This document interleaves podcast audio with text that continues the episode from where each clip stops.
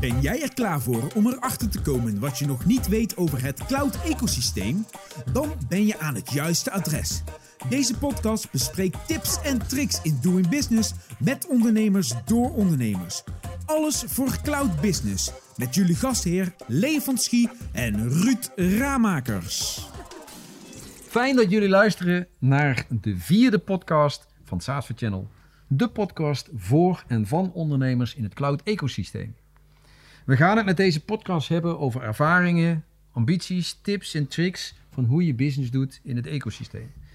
Jullie gastheren zijn Ruud Ramakers en Leo van Schie. En voor deze podcast hebben we uitgenodigd Johan de Wit van SaaSbazen. Johan, die zelf ook zijn eigen podcast heeft, en dan mag hij nu toelichten. Johan, ik geef even een pitch. Ja, oh, een pitch. Ja, dat, uh, dat moet heel formeel dan. Hè? Nou, dat ga ik niet doen. Uh, maar uh, inderdaad, podcast. SaaS-bazen podcast, overal wel te vinden. Ehm, inmiddels over de 100 afleveringen. Dus best wel veel SaaS-bazen mogen interviewen. Nou, ik denk dat de luisteraar van deze podcast wel weet wat SaaS is, hè? Software as a Service. En um, dat begon eigenlijk als grapje eigenlijk. ik wilde een keer een podcast starten om leads te genereren voor mijn uh, toenmalige marketing agency. Want ja, als je een agency hebt, dan kun je wel uh, gaan adverteren of SEO, maar het is allemaal een beetje saai natuurlijk. Dus ik dacht van ja, het is eigenlijk veel leuker om gewoon uh, de ondernemer te gaan benaderen en te zeggen van joh, wil je mijn podcast? En die, de verwachting was eigenlijk dat iedereen ja zou zeggen en dat gebeurde zo ongeveer ook. Dus dat leverde een podcast op. Eerste 20, 30 afleveringen gebeurde natuurlijk niks, want er luistert niemand naar. Uh, dus een dag van, nou, heb ik hier wel goed aan gedaan. Dus. ja. nou, dat was in ons geval was dat wel zo. Uh, niemand is overdreven, maar de, de, we kregen weinig uh, klanten of zo daaruit. En op een gegeven moment, nou, zo'n beetje bij die 30 lag het omslagpunt. En sindsdien ja, trok het enorm aan en kregen we dus heel veel aanvragen. Dus toen was dat doel bereikt. En toen kwam ik er vervolgens achter dat ik SaaS-baas eigenlijk veel leuker vond dan, dan een agency. Dus nou ja, door de afgelopen twee jaar eigenlijk heb ik steeds meer tijd besteed aan SaaS-bazen. Wat nu ook een online community is. En we organiseren meetupjes en dat soort dingen. Um, en steeds minder bezig met het helpen van klanten. Dus ja, een onverwachte ontwikkeling. Maar zo gaat het wel eens in het ondernemerschap. Ja. Ik vond het eigenlijk best wel pitch. Ja, het was een mooie pitch. Ik zeg wel nee, maar het was er okay, wel een. Nou ja, bij deze. hey, dat gezegd hebben, de SaaS-baas. We kennen jou ondertussen ook al een, een beetje vanuit de samenwerking die we al een tijdje hebben. Um, als je wat verder naar, de, naar voren kijkt. Uh, jij als online marketeer bent ongetwijfeld bekend met de B-Hacks. Wat is de jouwe? Ja, dat is een leuke vraag. Ik uh, droom ervan dat, uh, nou laten we zeggen over vijf jaar, want je moet hem ook eigenlijk een uh, timen, hè? laten we zeggen vijf jaar, mooie, ja. mooie ambitie. Over vijf jaar gewoon een eigen vette locatie ergens in een mediterraan gebied, langs het water, uitkijken over de Middellandse Zee, waar ik gewoon uh, kleine groepjes SaaS-bazen kan ontvangen op een mooie accommodatie om te werken aan businessplannen. Dat, dat ze gewoon eigenlijk één keer per jaar zeggen, veel we willen gewoon even naar SaaSbaas. We willen naar Johan of weet ik veel hoe het team er dan uitziet. We willen daar naartoe om uh, met een groepje van vijf, zes andere SaaSbazen lekker even twee, drie dagen de bergen in te gaan. We gaan tennissen, we springen in zwembad, we gaan barbecuen en we gaan ook aan ons businessplan werken. Dus uh, het, uh, nou, het aangename met het nuttige combineren, maar dat lijkt me echt fantastisch. Klinkt ook ja. ontzettend goed. Ja. Ik zou wel komen, denk ik. Ja, nou, dat lijkt me goed. Zeker een mogelijkheid. Ja, zorg dat je een SaaSbaas bent, dan ga ik proberen om over vijf jaar die accommodatie te hebben. Mooi. Sardinië hey. is een mooie plek. Ja, nou ja, bijvoorbeeld. Ja, ik, ik heb wel wat, uh, wat ideeën, maar ik denk als ik het nog concreter ga maken, dan... Uh, Gaat ja. er het doel voorbij. Ja, precies. hey, we hebben voor elke uh, gast die wij hier aan tafel mogen ontvangen, hebben wij een aantal dilemma's die we ze voor willen leggen. Dus dat gaan we bij jou ook doen. Nee is geen optie, keuze moet. Oké, okay. ik, ik, hou van uh, het verbreken van de regels, maar dat kan dus niet. Nu, nee, daar gaan we okay. niet mee akkoord. Okay. Nee, Bertie bewaakt dat altijd. Oké, nou, um, Nuance mag vanzelfsprekend later. Uh, de eerste, podcast of videocast? Podcast. Um, de tweede, je hebt nu uh, heel duidelijk die SaaS-bazen community. Groeien met de SaaS-bazen community of het SaaS-bazen concept kopiëren naar een andere branche en een andere community. Altijd één. Bij SaaS blijven. Mooi. 100%. En de laatste, geld verdienen aan of met een community? Met. Oké, dankjewel. Ja, ik hoef ze niet eens te Het nuanceren. zijn wel heel duidelijk. Nou ja, geen, geen enkele nergens op twijfel. terug te komen. Nee, je was wel heel eh, Nee. stellig in ja, wat je, wat je zegt. 100%. Waarom eh, podcast en geen videocast? Ehm, ik ben eigenlijk van eh, origine altijd veel meer een audioman geweest. Ik eh, luister ook veel liever radio dan, eh, dan dat ik tv kijk. Ehm, ik was op mijn dertiende al een beetje een oude lul, want ik luister altijd Radio 1, altijd interviews. Eh, ja, anderen luisteren 538 of zo, maar ik luister gewoon altijd Radio 1, BNR, al, al dat soort saaie zenders voor anderen. Eh, ik vind het gewoon heerlijk om te horen hoe mensen geïnterviewd worden en dat, dat soort dingen. Eh, maar ook voetbal, ik ben best wel een voetbalfan, maar eigenlijk is een voetbalwedstrijd, je moet maar eens een voetbalwedstrijd luisteren versus een wedstrijd kijken en dan weet je waarom ik audioman ben. Ik ben het helemaal met je eens. Wielrennen geldt hetzelfde voor trouwens. Ja, precies. Ja, dat is toch fantastisch. Ja. En je zegt van blijf bij Saas. Waarom? Ja, ik heb eh, voordat ik eh specialiseerde in SaaS, heb ik eh, allerlei andere marktsegmenten wel, heb ik wel in meegelopen. Van logistiek tot bouw, tot accountancy, advocatenkantoren, noem het allemaal op. Of klant, of ik heb daarbij gewerkt. In, in een rol als marketeer bijvoorbeeld. Ehm, en toen ik uiteindelijk besloot om de stap naar SaaS-markt te maken, zeg maar, was dit er een groot onderdeel van, namelijk de cultuur zit je, en, en ik schop nu misschien een paar mensen tegen de schenen, dat bedoel ik niet, maar dit is echt een persoonlijke voorkeur. eh, in de bouwwereld, accountancy, advocatuur. Ehm, als ik daar aan tafel zat als marketeer, dan merkte ik vaak dat, eh, ja, eh, je hebt het over SEO, over CA, over allerlei kanalen, over allerlei middelen. Uh, maar voor een marketeer is dat niet per se, als mij voeden dat niet zo. Uh, de ambitie is vaak niet super groot. Ik had bijvoorbeeld klanten die deden dan, het ene jaar deden ze 200 miljoen euro omzet in logistiek en het andere jaar 220 miljoen. Ja, uh, leuk, maar welk, wel, wat is mijn contributie daarin, zeg maar. Um, maar ook bij hele kleine bedrijven, een klein accountantskantoor, ja, die willen dan, dan willen ze een nieuwe website en dan willen ze meer zichtbaar zijn. Maar onderaan de streep, een accountantskantoor, ja, moeten wel wel iets met online marketing misschien, maar het is niet, zit niet in de haarvaten van een bedrijf. Nou, ga je naar een SaaS-bedrijf kijken, dan uh, draait zoveel om distributie. Kijk, je hebt natuurlijk een product, dat staat centraal. Maar dat product moet ook uiteindelijk... Veel SaaS-bazen die dromen natuurlijk van schaalbaarheid. Dus marketing is giga belangrijk. En uh, dus dat merkte ik heel erg. En ik merkte dus dat... We gingen op een gegeven moment wat uh, eventjes organiseren... en met de podcast en zo mensen bij elkaar uh, verzamelen. En dan merk je dus dat bij, bij SaaS iedereen... Het is, het is een beetje een nieuw businessmodel natuurlijk nog steeds. Hè. Het bestaat al, al nou, laten we zeggen tien jaar... dat het echt wel redelijk volwassen lijkt. Mm -hmm. Maar uh, begin ik nu een bouwbedrijf, dan is die, dat is, dat is al decennia min of meer hetzelfde. We zeggen allemaal, er is heel veel innovatie. Ik vind het wel meevallen. De basis van zo'n bedrijf is nog redelijk hetzelfde. Maar bij een SaaS-bedrijf zijn zoveel specifieke dingen die te maken hebben met bijvoorbeeld het verkopen van een abonnement is totaal anders dan uh, transactionele verkoop, bijvoorbeeld. Uh, internationalisatie kan vaak veel sneller dan bij een ander bedrijf. Uh, een, een, een fysiek product verkopen is natuurlijk totaal anders dan een abonnement verkopen. dus er zijn zoveel dingen anders dat die SaaS-bazen, dus ondernemers, maar ook de teams die daarmee werken, die hebben zoveel nieuwe hobbels te overwinnen, die moeten zoveel nieuwe dingen ontdekken, dat ze heel erg openstaan om van anderen te leren. Want dat is ongeveer de enige manier. Je kunt wel steeds zelf het wiel opnieuw uitvinden. En waar dat in andere branches al wel, uh, daar, daar zijn al die conventies al. Hier is dat niet zo. Dus de, de behoefte om te leren van elkaar, maar ook met elkaar, is zoveel groter. Ja, het is echt voor mij, SaaS is echt een no-brainer. Uh, daar wil ik echt bij blijven. Ik, ik, wil eigenlijk gelijk de, de, de kettingvraag erin gooien. Uh, die is door William Sprakel aan jou doorgegeven. Oké. Okay. En zijn vraag was van, wat maakt een ondernemer nou een SaaS-baas? Wat maakt een ondernemer een SaaS-baas? Uh, een echte SaaS-baas. Een echte SaaS-baas. Uh, goeie vraag. Um, ik denk dat als ik terugkijk op de, zeg maar de 100 afleveringen die ik nu dan uh, ruim heb gedaan, is het uh, vooral wendbaarheid, denk ik. dat heeft ook te maken met mijn vorige punt. Um, er zijn niet zo heel veel dingen echt vastgelegd. Er zijn playbooks, er zijn templates, er zijn frameworks rondom SaaS.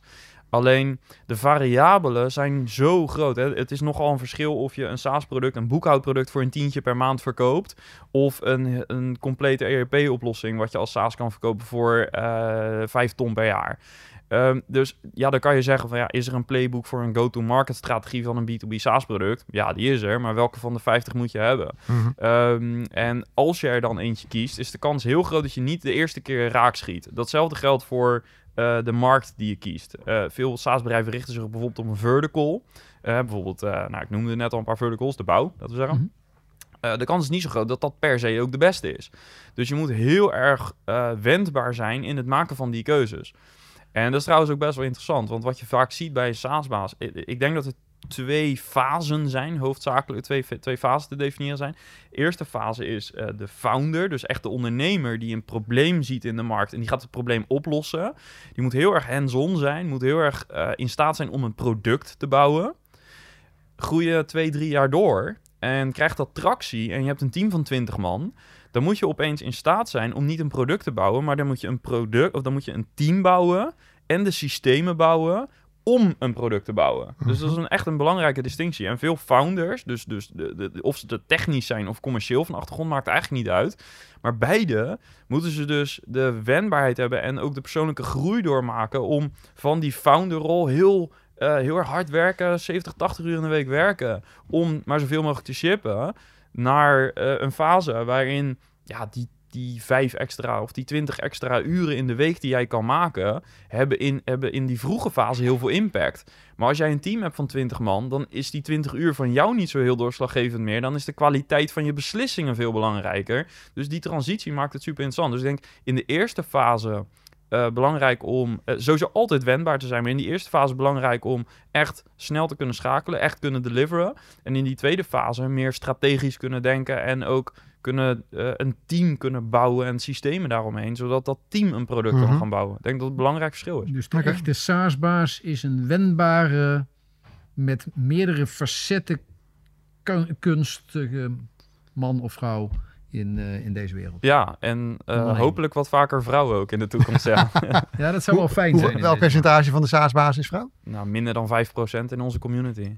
Ja. Nou, nog werk te doen daar. Zeker, ja. Ja. ja.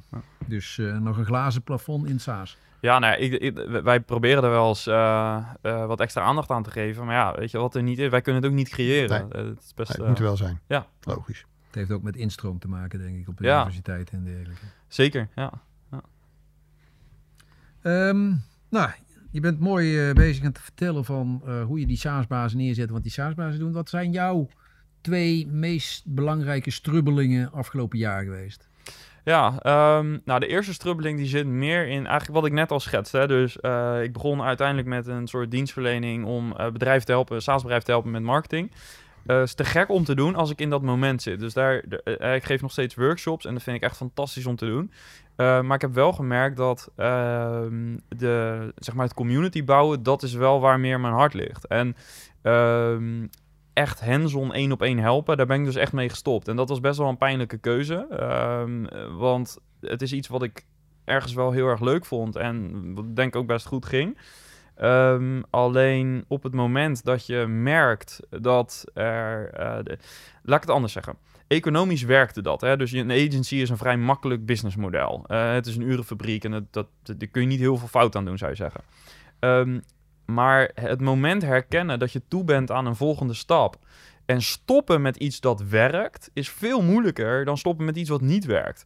Uh, want er is eigenlijk geen urgentie om te stoppen. Mhm. En uh, hij is er wel, alleen ja, hoe urgent dat is, bepaal je eigenlijk zelf. En dat vond ik echt een struggle in de afgelopen twaalf maanden, misschien zelfs wel dus langer. de wendbaarheid die je de SaaS-bazen wil hebben, die heb je zelf moeten doorstaan. Ja, hoewel ik denk wel dat bij een SaaS-baas echt nog next level is. Uh, ik denk dat het bij mij meer uh, gewoon ook een be bepaald comfort was. Van ja, uh, want zo'n SaaS-baas heeft heel veel urgentie om die wendbaarheid te hebben. Want als je niet snel genoeg groeit met SaaS, wordt het businessmodel ook gewoon heel erg moeilijk. in veel gevallen. En dat was bij ons eigenlijk niet zo. Want ja, weet je, als je niet groeit, als je gewoon hetzelfde blijft, is het ook oké. Okay. Maar bij een SaaS-bedrijf wat niet groeit in gebruikers, ja, dat is best wel dan, dan dat is een moeilijker scenario dan bij een agency. Ja. Ja. Ja, en je had het erover van, het is, wat is nou echt moeilijk?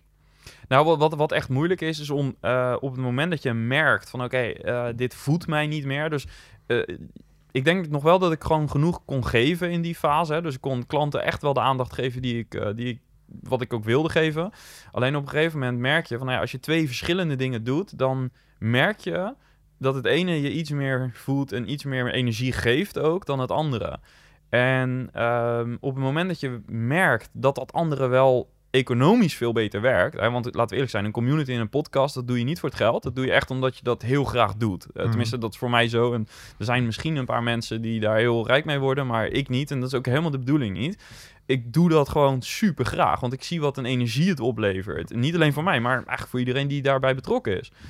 Um, maar ja, uiteindelijk, je onderneemt ook om een uh, financieel resultaat te maken en om daarmee te groeien. Want als je geen geld maakt, kun je niet groeien. Dus dat is een hele, best wel een pittige struggle geweest om zeg maar iets los te laten wat economisch goed werkt, maar misschien niet zo heel erg veel energie meer geeft, versus iets, aan iets gaan werken waarvan je niet goed weet of dat een businessmodel gaat worden. Dat, dat is wel een pittig. dat is een leuke uitdaging. Uh, nou, dat je het wel dus moet doen. Dat je wel uh, moet gaan voor wat je voedt. Uh, want uiteindelijk ga je het antwoord wel vinden. En dat bleek ook, want we hebben nu inmiddels uh, hebben we gewoon een community waarbij uh, ik heb zelfs een teamlid die aan de back-office kant gewoon eigenlijk alle processen doet. Mijn hele agenda beheer eigenlijk volledig als, als teamlid gewoon op de loonlijst zelfs kan doen. Ja, dat had ik een jaar geleden helemaal niet gehad. Maar dat is misschien trouwens ook wel dus een les die ik heb opgedaan. Op het moment dat je jezelf niet dwingt om um, een bepaalde stap te zetten dan creëer je dus ook geen urgentie om een bepaalde creativiteit te vinden. Op het moment dat je zegt van oké, maar ik moet over een paar maanden, moet ik of wil of moet ik dat mhm. bereikt hebben, dan ga je wel in andere opties, dan ga je ook andere opties zien. Dus uh, ik denk dat dat wel, dat daar mijn antwoord ligt. Oké, dat is verleden, toekomst. De twee grootste uitdagingen voor de komende tijd. Ja, nou in het kader van uh, de toekomst, ik denk sowieso uh, een, verder een team bouwen. Uh, ik vind dat best moeilijk. Um, ik heb in het verleden heel veel geluk gehad met een aantal medewerkers, maar dat was dan vaak geluk en was niet omdat ik een heel goed repeatable HR-proces of iets dergelijks had. Um, en in de tijd waar we zitten heeft iedereen moeite met het vinden van mensen. Um, zeker in onze markt. dus ik denk dat dat echt wel best wel een flinke uitdaging gaat worden. En het tweede is focus. Um, als je in, zeg maar, uh, nou jullie zullen dat ook zien, in de techwereld zijn al duizend opties. Um, als je dan ook nog uh, uh, nou ja, in het midden van zo'n community eigenlijk staat, ik krijg heel de week krijg ik pitch decks doorgestuurd. Uh, wil je hier eens naar kijken? Wil je hmm. hierin investeren? Wil je, uh, kan je ons helpen met, uh, met deze start-up?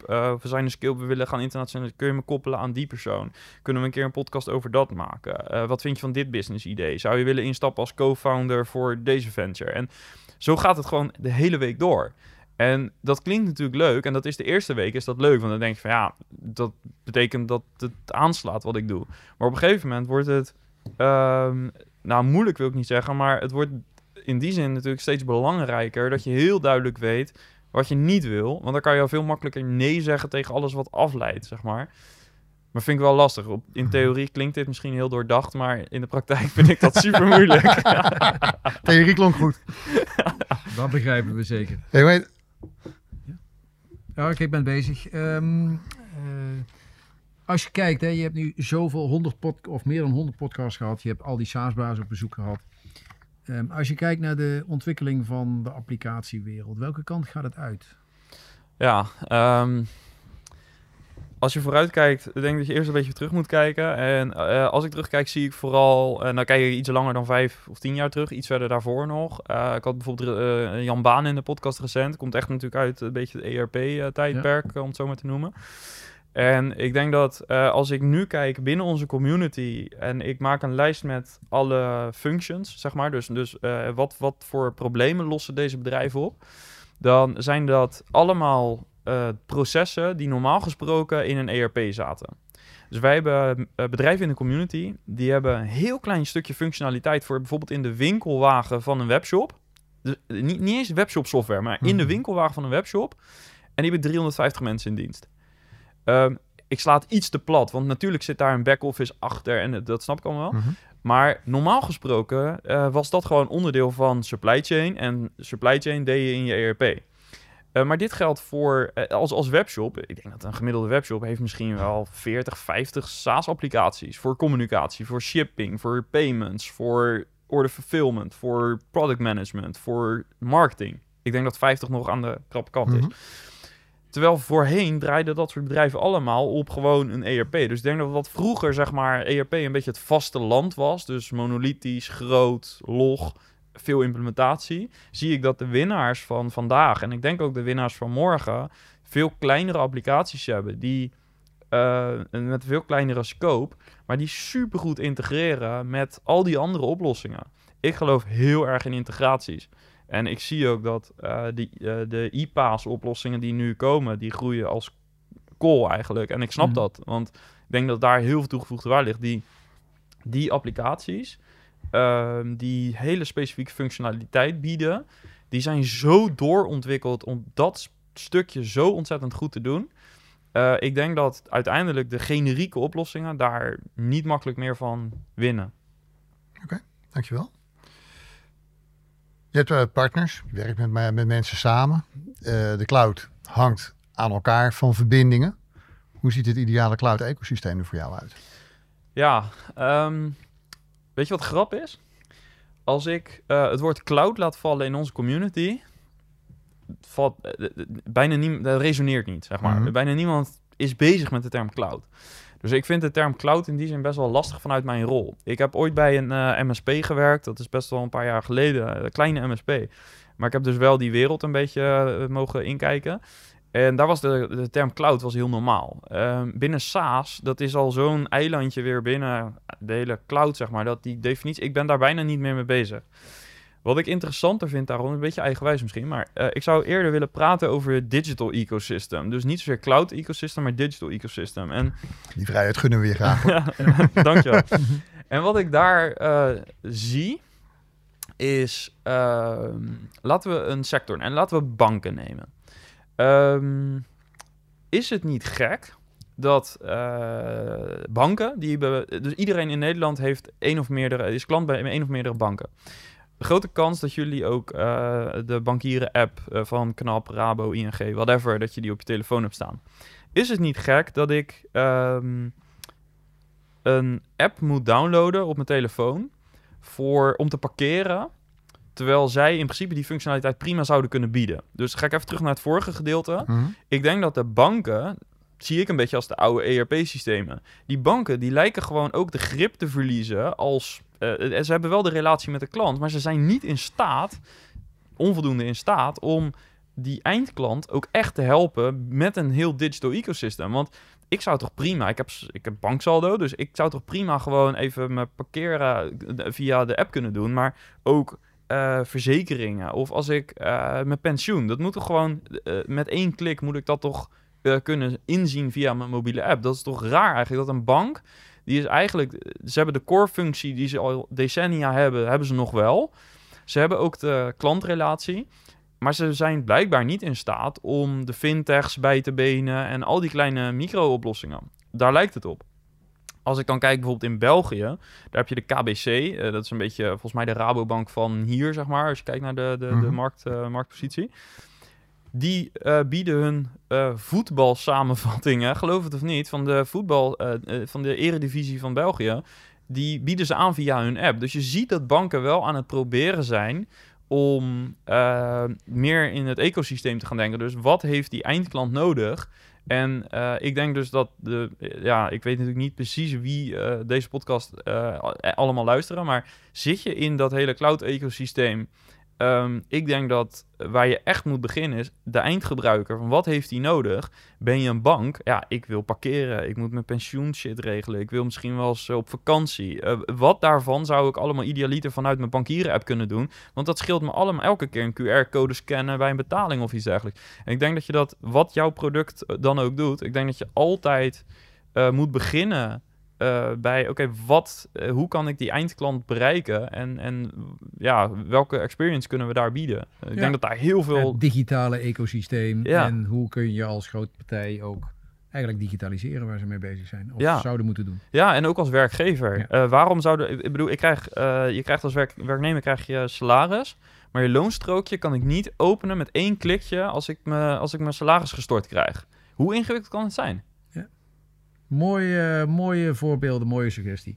Even naar je persoonlijk. Ehm, Yes. Stel je zou vandaag stoppen en je moet een opvolger eh, kiezen. Wat is het punt wat je die opvolger nu, dat ene punt, zou meetellen of vertellen? Ja, ik vind het echt een super vraag. Ehm, Ja, ik, ik ben toch weer geneigd een beetje vals te spelen. Dus ik, uh, jullie moeten maar beoordelen of het goed Eén is. Ehm, wat ik zou doen, ik zou, kijk, ik denk niet dat ik in één dag dat ik iemand zo kan onboorden of kan, eh, kan overdragen dat zo iemand ook precies de dingen gaat doen eh, die ik in gedachten heb. Ehm, eh, ik denk dat daar meer voor nodig is. Ehm, dus, dus, maar normaal gesproken zou ik zeggen, deel je b-hack en je waarde en, en, en een soort deck en, en leg de strategie uit en en zeg figure, figure it out. Maar ik denk dat ik ehm, misschien wel eerder een, een dag zou nemen. Die dag, ik zou hem of haar niet eens hoeven zien.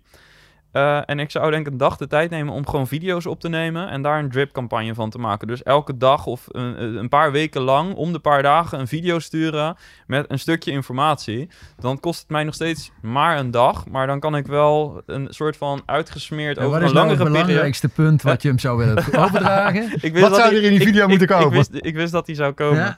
Maar ik was toch benieuwd of ik een beetje kon vals spelen.